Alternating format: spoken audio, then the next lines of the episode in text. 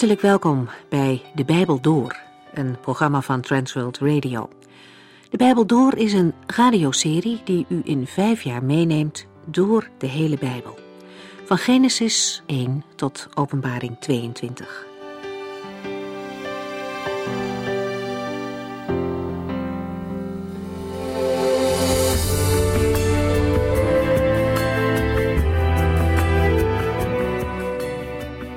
Misschien heeft u vragen over deze serie, De Bijbel Door. U kunt dan kijken op onze website transworldradio.nl, maar u kunt ons ook bellen. 0342 478432. De vorige keer hebben we gelezen uit 1 Korintiërs hoofdstuk 1. Paulus wijst daar de gemeente er met klem op dat ze hun aandacht op Jezus Christus moeten richten, in plaats van zich bezig te houden met verdeeldheid onderling en groepsvorming. Onder de jonge gelovigen was verdeeldheid ontstaan omdat ze personen gingen navolgen, zoals Apollos of Paulus zelf. En de apostel smoort die gedachte in de kiem. Het gaat erom dat ze eensgezind de Heer Jezus volgen. Hij voert aan dat hij bijna niemand gedoopt heeft, zodat de mensen niet kunnen zeggen dat ze daarom van Paulus zijn. Hij en de anderen waren werkers in dienst van de Heer, meer ook niet. Paulus had als opdracht om het nieuws verder te brengen. En daarom liet hij het dopen over aan anderen, zodat hij zelf al zijn tijd aan zijn eigen opdracht kon besteden. En vervolgens gaat hij door op de wijsheid van God, die totaal anders is dan wat op aarde wijs wordt gevonden. De Heere God heeft de mensen gered op een manier die voor de wereld dwaas lijkt. En Paulus zet de boodschap van het kruis tegenover de Griekse wijsheid. Het lijden en sterven aan een kruis lijkt zwak. Maar degenen die geloven weten dat God juist op deze manier zijn kracht heeft laten zien. Mensen worden niet gered door een helder verstand of een geweldig inzicht. Gods boodschap van redding is juist voor de meest eenvoudige mensen en kinderen goed te begrijpen. Alleen door geloof is er redding.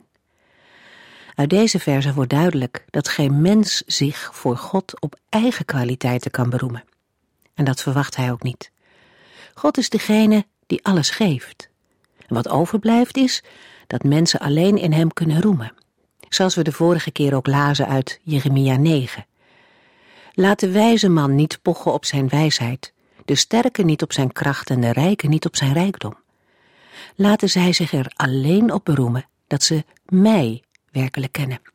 Dat ze weten dat ik de Heere ben, een God van liefde die de aarde rechtvaardig regeert, want in deze dingen heb ik genoegen. We lezen nu verder uit 1 Korintiërs 2.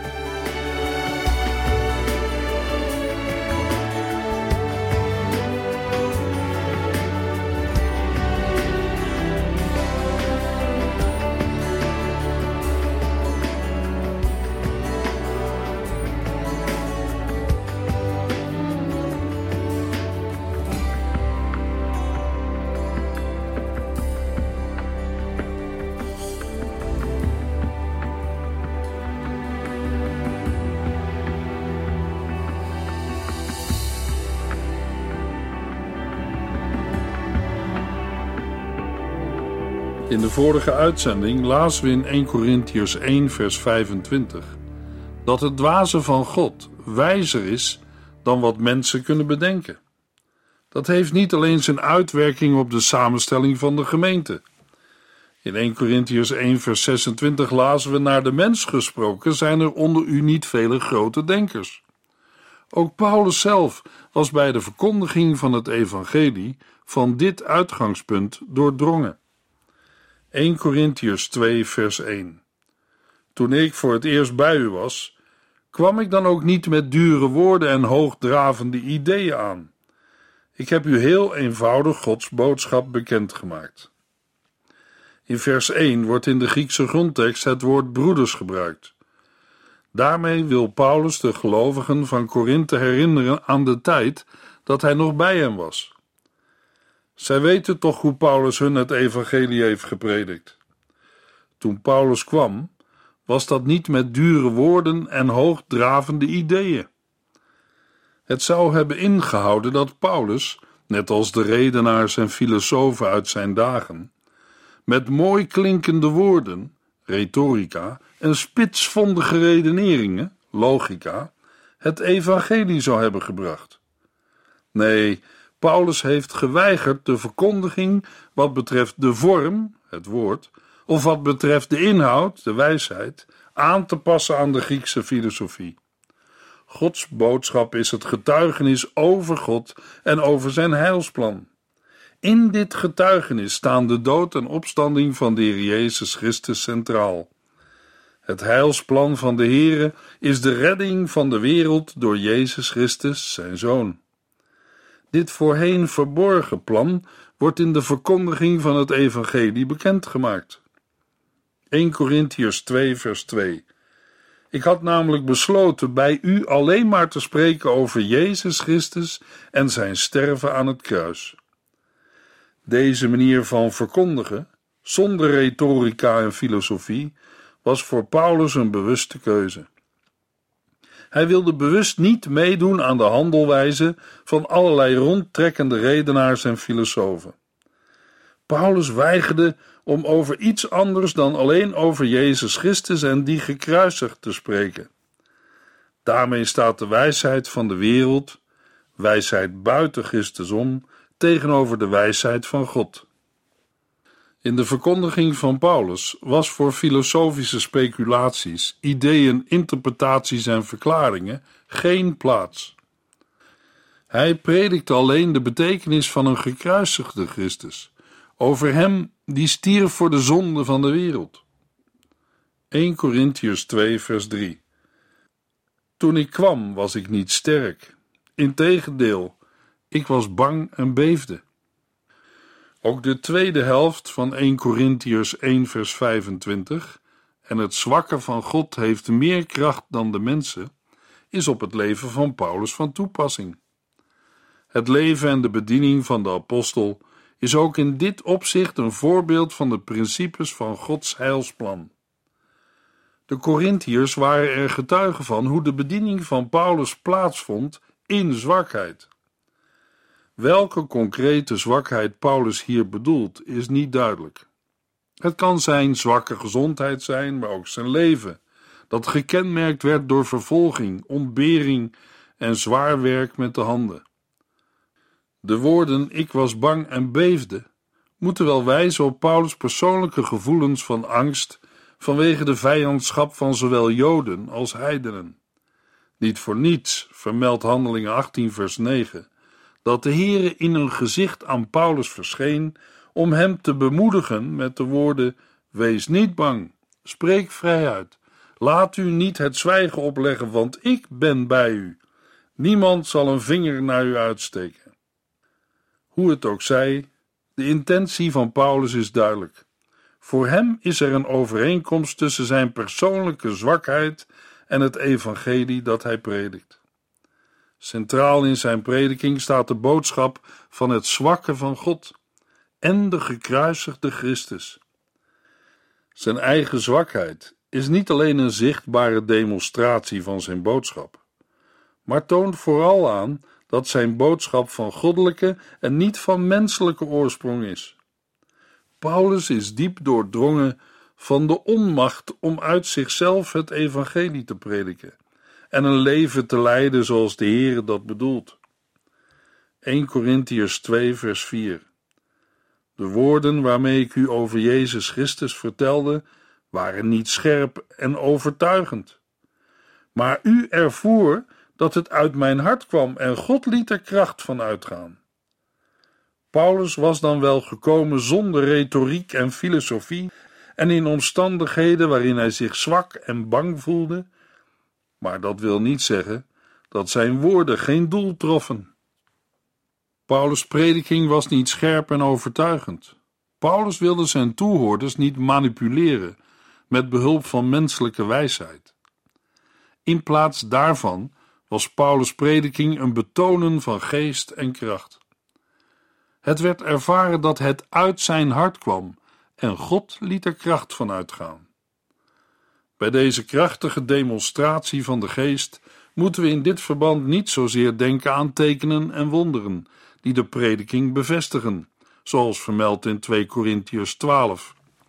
Het gaat in dit gedeelte eerder over de kracht van de Heilige Geest, die de Corinthiërs hebben ervaren toen ze tot geloof kwamen en met de Heilige Geest werden vervuld. Paulus benadrukt de kracht van de Geest, die levens vernielt en Gods geheimenissen openbaart. 1 Corinthiërs 2, vers 5. Want uw geloof moet niet gebaseerd zijn op menselijke wijsheid, maar op kracht van God.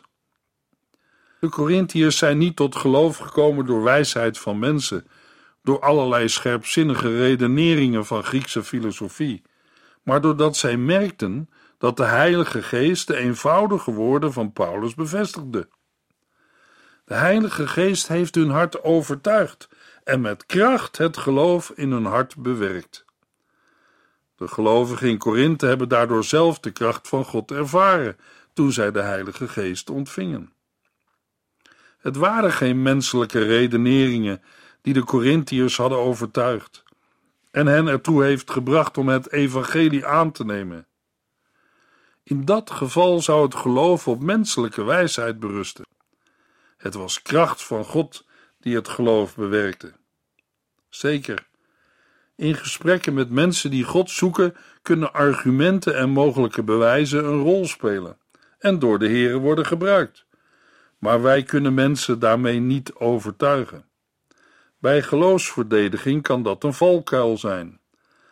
Dan gaan we proberen te bewijzen dat de Bijbel Gods woord is, of dat het eerste hoofdstuk van Genesis volgens hoogstaande literaire regels is geschreven, of dat de zondvloed werkelijk heeft plaatsgevonden. Begrijp me niet verkeerd. Daar is zeker ruimte voor, en ik dank God voor de mensen die zich op dat gebied inzetten. Christenen zijn geen mensen van het verstand op nul en de blik op oneindig. Maar we moeten ook begrijpen dat de beste argumenten een mens niet overtuigen van de noodzaak om gered te worden door de Heer Jezus Christus. Want ons geloof is niet gebaseerd op menselijke wijsheid, maar op kracht van God. 1 Corinthians 2, vers 6 en 7. Wat wij zeggen is wijsheid voor de gelovigen die het begrijpen. Deze wijsheid is niet van deze wereld, noch van haar leiders, die eens ten val komen. Wat wij zeggen is Gods wijsheid, die tot nu toe verborgen is geweest. Voor het begin van de wereld had Hij zijn plan al klaar om ons in de heerlijkheid te brengen. Zoals er in Paulus' zwakheid goddelijke kracht is in de verkondiging van het evangelie, zo is er ook in de eenvoud van de prediking sprake van goddelijke wijsheid. Deze wijsheid wordt niet door iedereen begrepen. Paulus en de andere apostelen geven deze wijsheid door aan de gelovigen. Niet aan mensen die door hun eigen gedachten en denken bepaald worden, want voor hen is wat Paulus zegt dwaasheid. Maar in de ogen van geestelijke mensen is het wijsheid. Wat deze wijsheid inhoudt, heeft Paulus al aangeduid in 1 Corinthiërs 1. Het gaat om het kruis van Jezus Christus. Die wijsheid is niet van deze wereld. Mensen van deze wereld kunnen haar niet met het natuurlijke verstand doorgronden en begrijpen. Voor hen is het geen wijsheid. Hetzelfde geldt voor de leiders van deze wereld. Ook zij hebben de kracht van God en zijn wijsheid niet doorzien. Bij de leiders van deze wereld moeten we denken aan wereldlijke overheden en machthebbers, waarvan de Romeinse overheid en de Joodse overheid voorbeelden zijn. Andere uitleggers denken aan geestelijke machten, namelijk de duivel en zijn engelen, en in het verlengde daarvan de aardse machthebbers die door hen worden beïnvloed of bestuurd. Deze machten worden in de komende eeuw teniet gedaan als de Heer Jezus zijn heerschappij op aarde vestigt. In beginsel zijn deze machten al door Christus aan het kruis verslagen. Maar het effect van deze overwinning komt pas ten volle tot zijn recht na de wederkomst van de Heer Jezus. We hebben al gezien dat de wijsheid waarover Paulus spreekt voor de wereld en haar leiders niet te doorgronden is. Het is dan ook Gods wijsheid, die voor de mens en voor de machten verborgen is. Het woord verborgenheid of geheimenis wordt in het Nieuwe Testament meestal gebruikt als aanduiding voor delen van Gods heilsplan die voorheen voor de mens nog verborgen waren. Het heeft in het Nieuwe Testament nooit betrekking op een geheime leer die niet aan buitenstaanders mag worden verkondigd. De hier genoemde goddelijke wijsheid was verborgen, maar wordt nu aan de gelovigen geopenbaard. Voor het begin van de wereld had God zijn plan al klaar om ons in de heerlijkheid te brengen. De Heere heeft zich dit plan al voor de schepping van de wereld voorgenomen. Sterker nog, de schepping van de wereld maakt er deel van uit. Zijn heilsplan heeft als doel om de gelovigen in de heerlijkheid te brengen. De heerlijkheid die zij bij de wederkomst van de Heer Jezus zullen ontvangen. De bedoelde wijsheid van God heeft dan ook dezelfde inhoud als de verborgenheid of het geheimenis van God, waarover Paulus in andere brieven schrijft. Het woord verborgen of geheim komt verschillende keren in het Nieuwe Testament voor.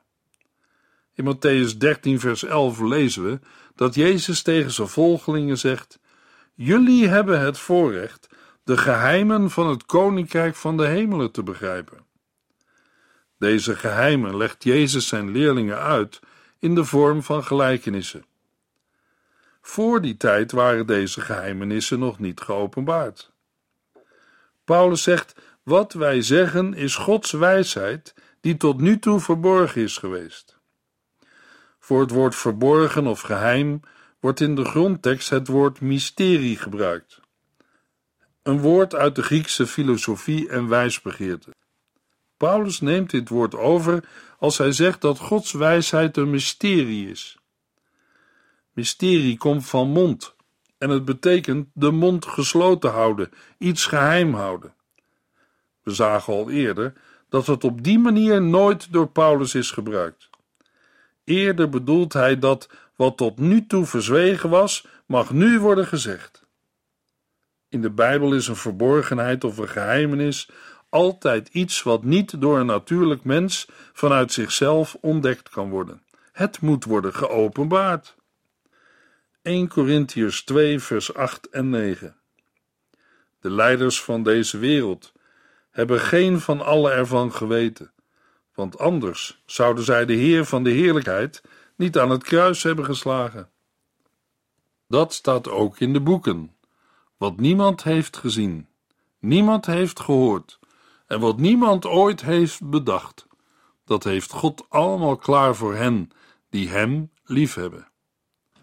De leiders van deze wereld hebben de goddelijke wijsheid niet gekend.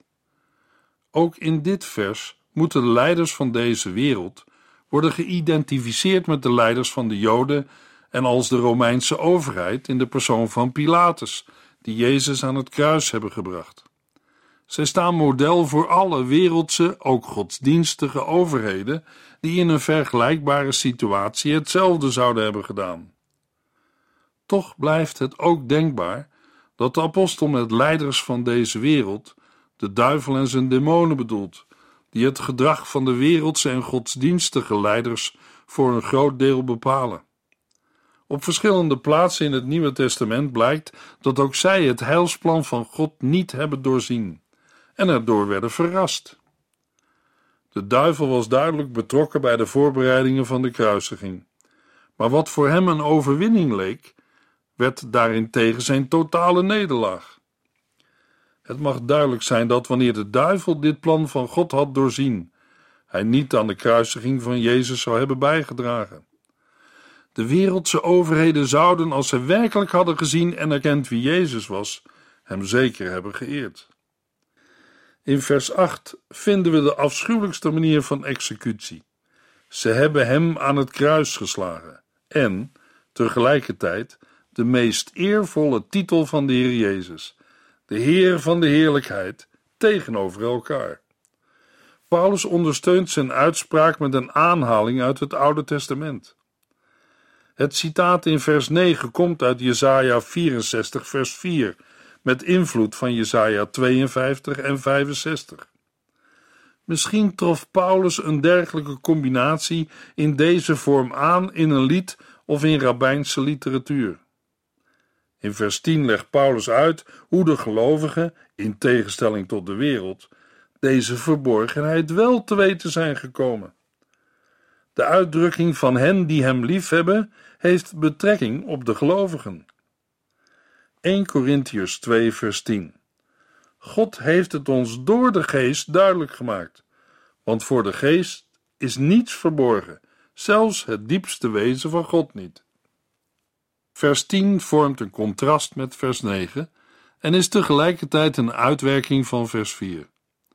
De mensen van de wereld hebben niets gezien, noch gehoord, noch begrepen van Gods wijsheid.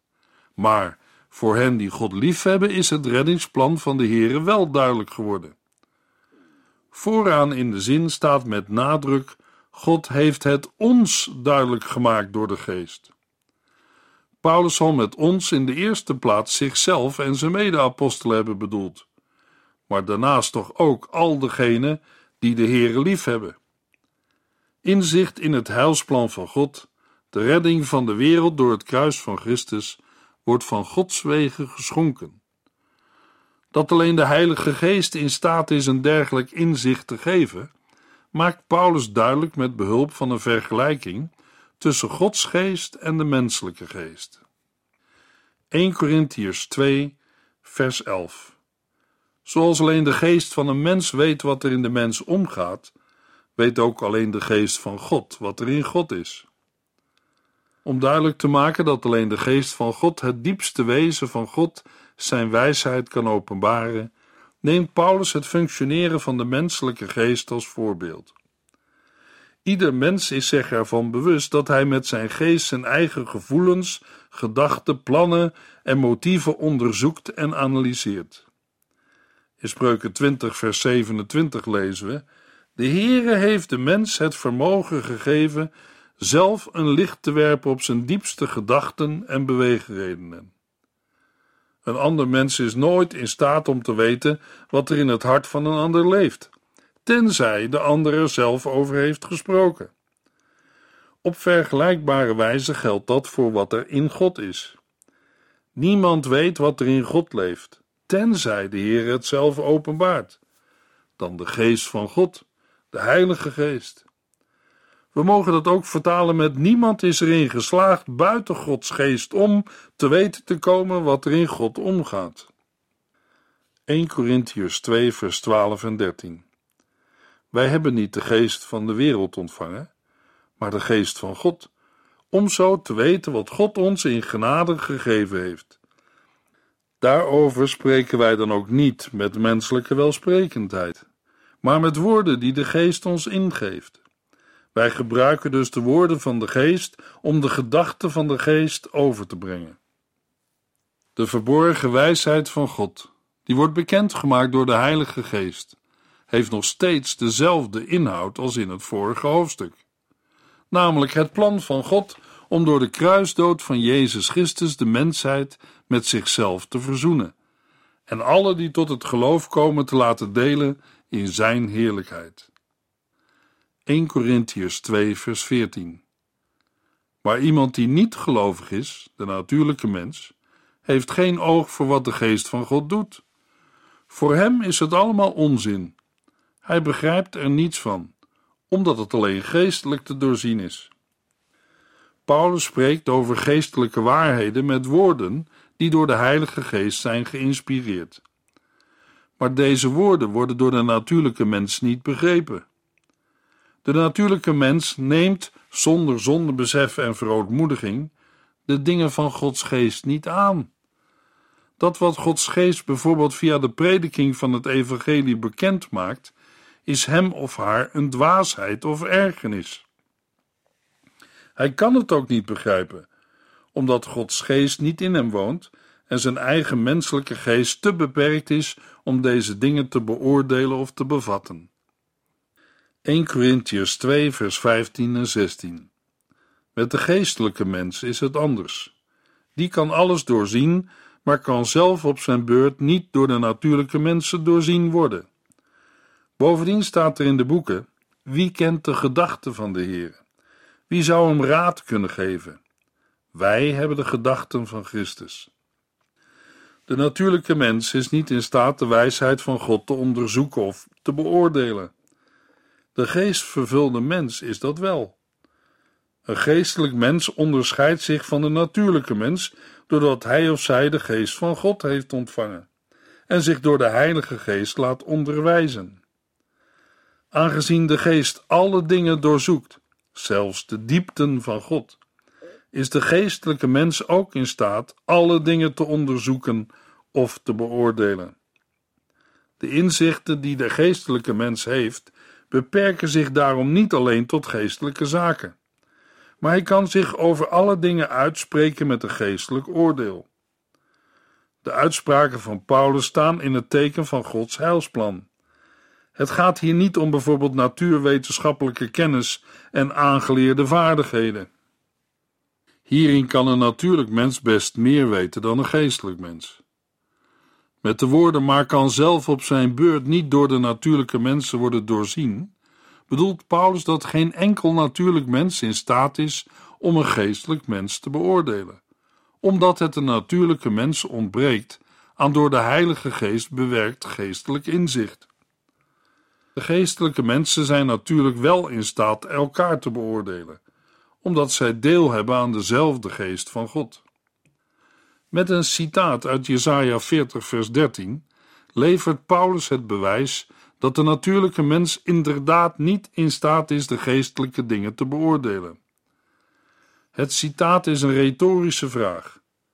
Niemand durft namelijk te beweren een verstand te hebben dat gelijkwaardig is aan dat van de Heere, of de gedachten en plannen van God te kunnen beoordelen of hem raad te geven. De eenheid tussen de Vader en de Zoon is zodanig dat het denken van de Zoon niet van het denken van God de Vader verschilt. De gelovigen hebben dit denken omdat de geest van God, de geest van Christus, in hen woont. Daarmee woont Christus zelf in hen en is zijn denken het hunne. Hiermee heeft Paulus zich afdoende verdedigd tegen hen die vinden dat de vorm en de inhoud van het evangelie moet worden aangepast aan de Griekse filosofie. Het evangelie valt niet met de normen van de Griekse logica en filosofie te beoordelen. In de volgende uitzending lezen we 1 Corinthiërs 3.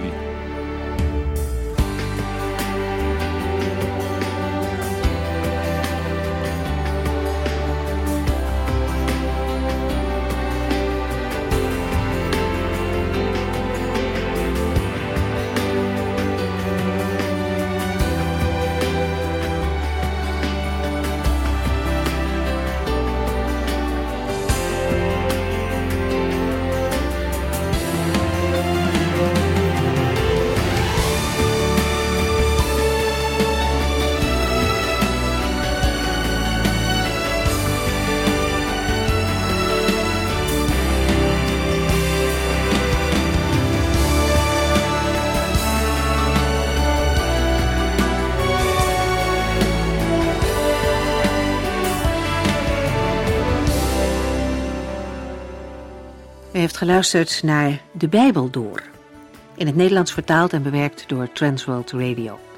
Een programma waarin we in vijf jaar tijd de hele Bijbel doorgaan. Als u wilt reageren op deze uitzending of u heeft vragen, dan kunt u contact met ons opnemen. Tijdens kantooruren kunt u bellen op 0342 47 8432. 0342 47 8432. 32.